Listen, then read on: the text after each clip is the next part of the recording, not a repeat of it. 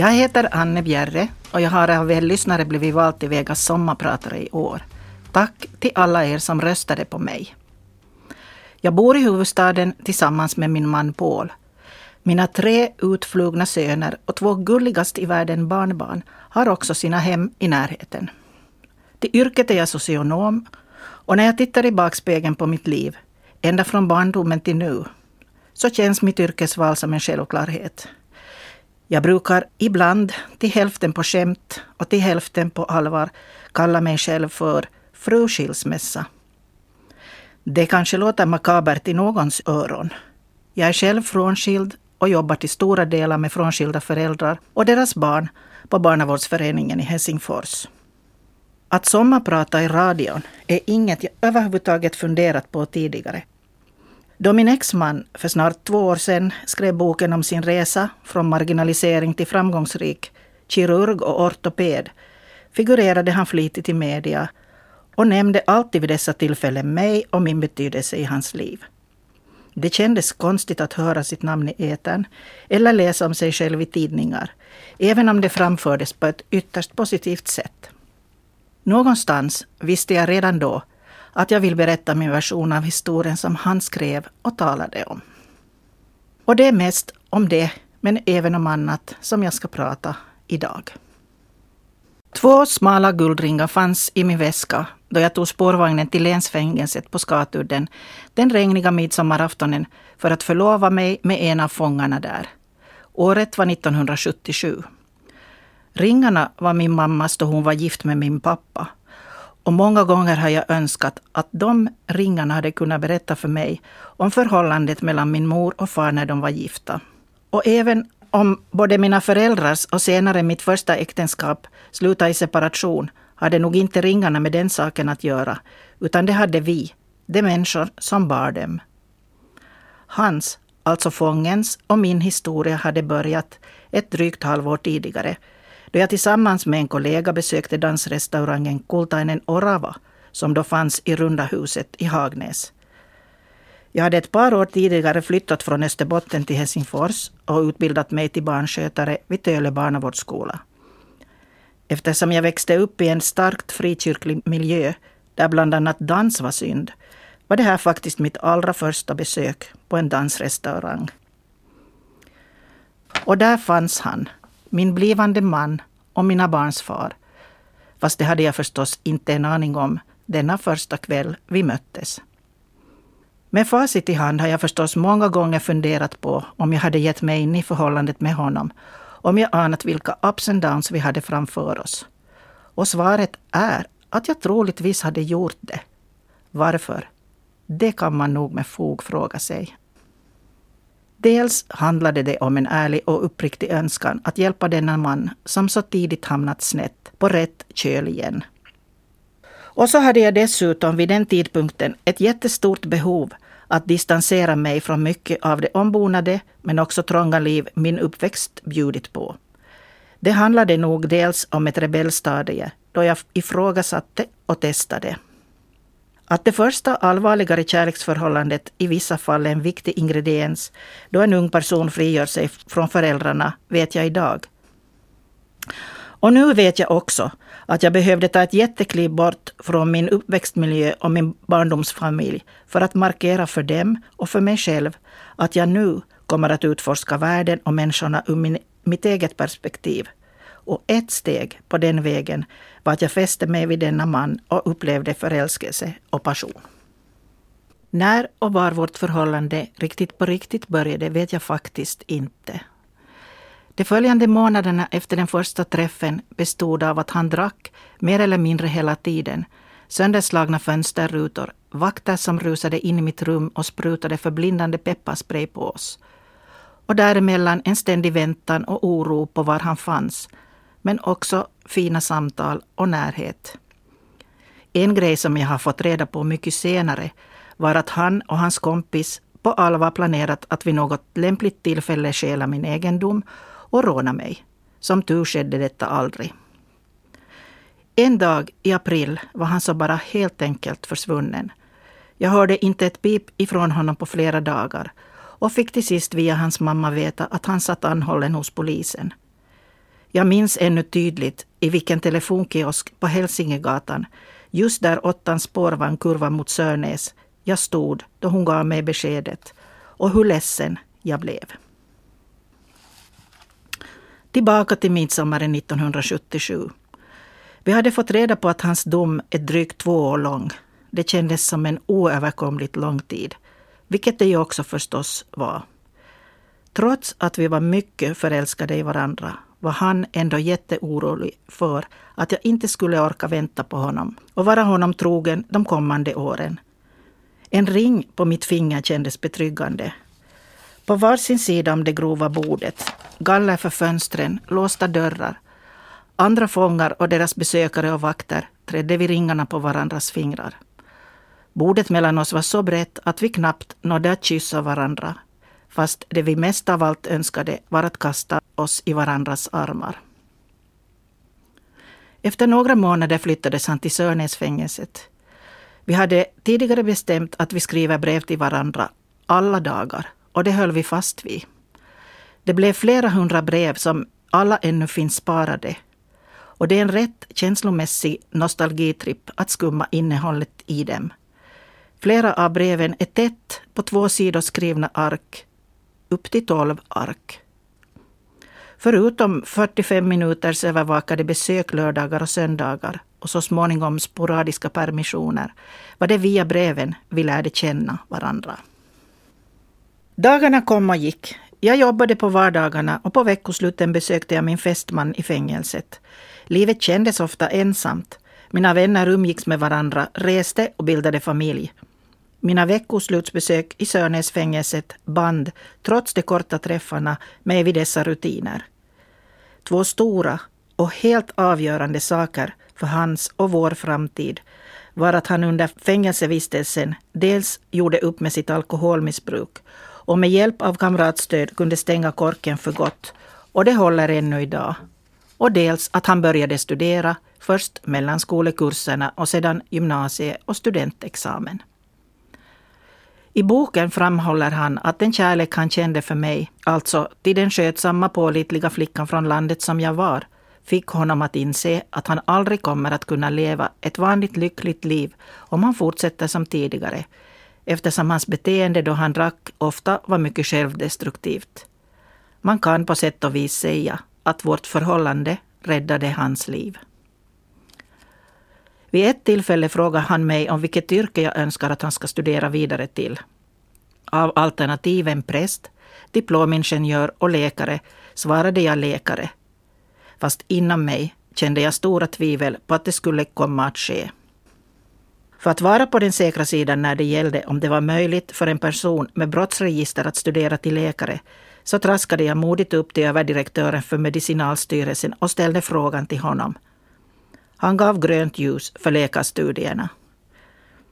När jag var barn berättade jag högt och tydligt för människor i min omgivning att när jag blir stor ska jag gifta mig med en kirurg. Vi ska ha en Gredelinbil och hela baksätet fullt med ungar. En fantasi som gick i uppfyllelse, om än på ett något speciellt vis. Den sista maj 1979 grydde med sol. Jag var iklädd mina finaste vårkläder och väntade vid fängelseporten på min kära som äntligen kom ut i frihet den dagen. Samma dag sattes också studentmössan på hans huvud. Nu kunde äntligen vårt gemensamma liv tillsammans börja. Med eftertankens klokhet har jag insett att varken han eller jag var särskilt väl rustade för att leva ett parförhållande. Han hade så gott som hela den tid när en människa utvecklas från barn till vuxen varit missbrukare och levt i samhällets utkant. Det var mycket i det nya nyktra livet han skulle lära sig och anpassa sig till. Bara en sådan sak som att betala nödvändiga räkningar var obekant och svårt. Jag och min sida kom från en familj där föräldrarna skilt sig när jag var mycket liten och kontakten till min far var minimal. Jag hade alltså ingen rollmodell för ett välfungerande respektfullt parförhållande och kände mig ofta vilsen och frustrerad. Så visst blev det slitningar i vårt förhållande och många, många gräl. Hur som helst, vi fortsatte våra liv tillsammans, gifte oss och så småningom kom barnen.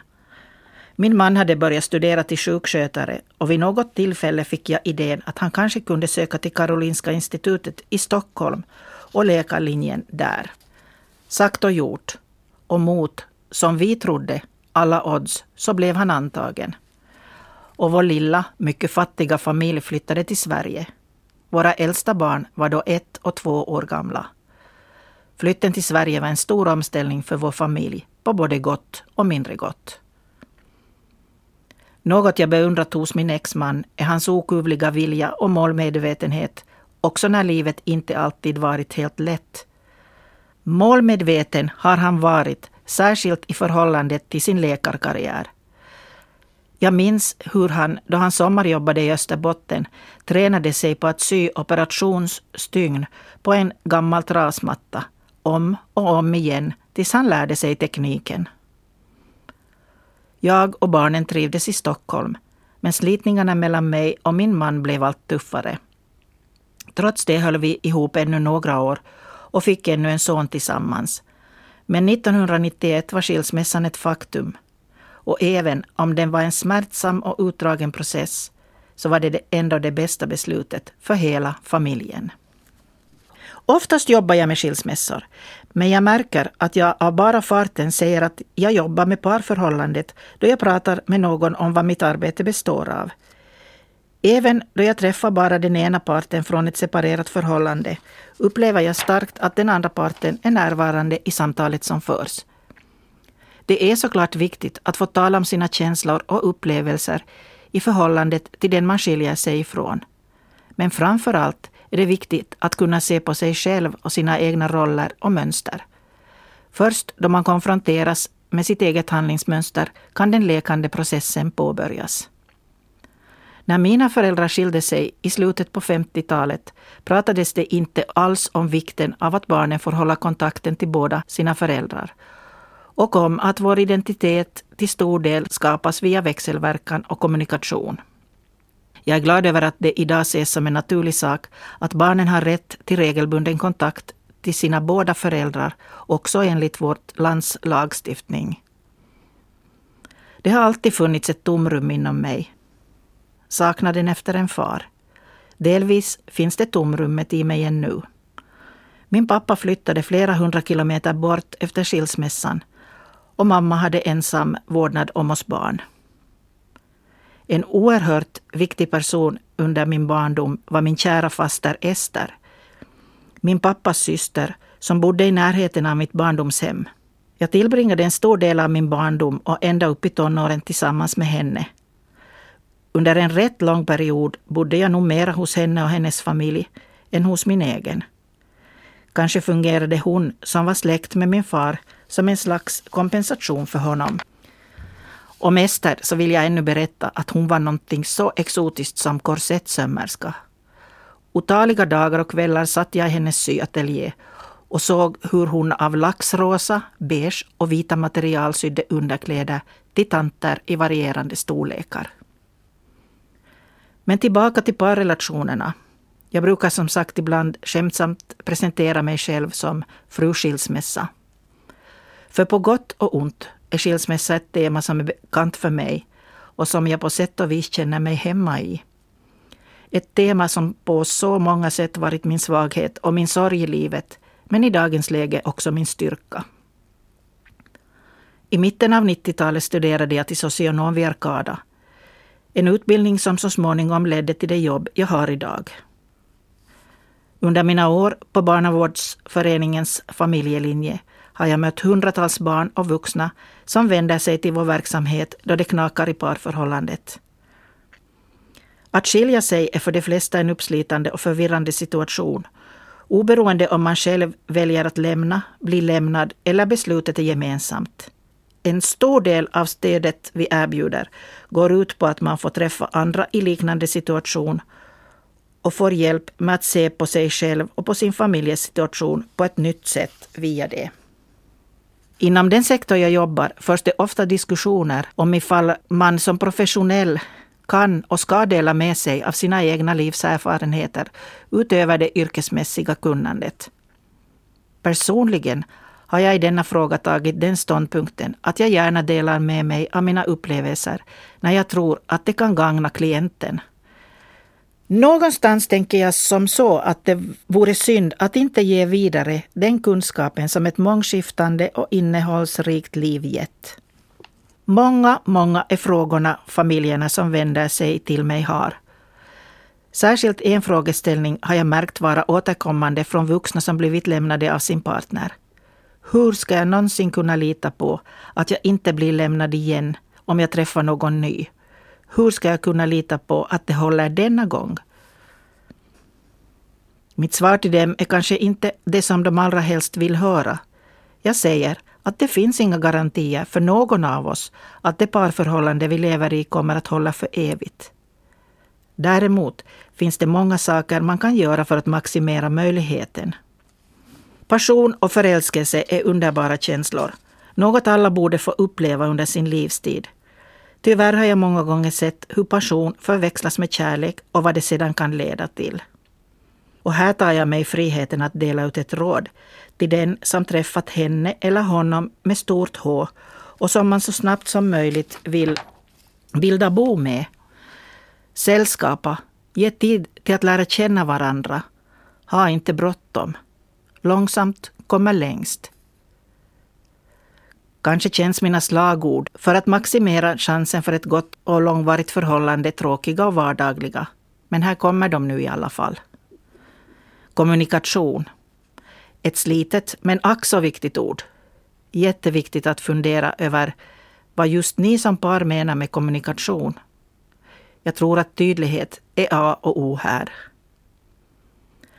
Värderingar som båda kan leva med. Vad är på riktigt viktigt för mig och när kan jag tolerera att den andra inte tänker precis som jag i någon sak? Vänskap.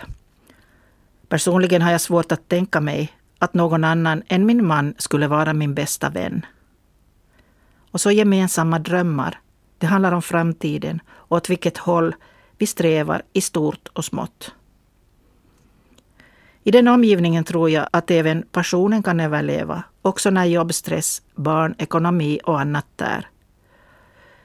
Det är också viktigt att säga att allt i denna världen inte handlar om tvåsamhet. Att välja att leva ensam är precis lika OK. Visst funderade jag själv också ofta på frågan om kärlek och att våga bygga upp ett liv tillsammans med någon igen. Jag har talat om vikten av att ta det lugnt och inte rusa iväg i ett nytt förhållande. När det enda man längtar efter är att få vara tillsammans med den person man förälskat sig i. Och nu kommer jag, fru Skilsmässa, att berätta hur det gick till när jag träffade min nuvarande man. Kan tänka mig att ni som hör den här historien kan känna er något konfunderade. För jag talade ju just om för er hur viktigt det är att skynda långsamt. Vi träffades en september månad. I oktober friade han till mig och i januari stod bröllopet. I början av nästa år firar vi 15 års bröllopsdag. Så jag ser det som så att långsamheten bestod av att jag under flera år tagit reda på vem jag är och via det kunde lita till min intuition. Jag visste helt enkelt vad som är viktigt för mig i ett kärleksförhållande och i vilka saker jag kunde tänka mig att kompromissa. Det har tagit mig år att upptäcka att min intuition inte är upphetsad eller högljudd, utan lågmäld och uthållig. En tanke eller en känsla som gör sig påmind tills jag ger mig tid att fundera lite mera över den. Och det var tack vare min intuition som jag vågade ge mig in i äventyret med min nuvarande man. Med risk för att avslutet på mitt sommarprat ska låta verkligt patetiskt säger jag det ändå. Han är den finaste och vi älskar varandra. Och tillsammans med honom så är jag på rätt ställe oberoende av var i världen vi befinner oss. Idag kan jag se tillbaka och inse att det jag påbörjade för snart 40 år sedan med mina barns pappa och det som hände under de 15 år vi levde tillsammans behövde jag just då. Idag är mina behov annorlunda och sundare Hit där jag finns idag hade jag inte kommit utan det levda liv jag har bakom mig och med den nyfikenhet på framtiden jag fortfarande bär med mig. Min exmans läkarkarriär har fortsatt framåt och idag är han mycket duktig på det arbete han gör. Vi kan obehindrat umgås med varandra i sammanhang där våra gemensamma barn finns med och förstås glädjas åt gulligaste två barnbarnen. Tack alla ni som lyssnat. Fortsätt njuta av sommaren.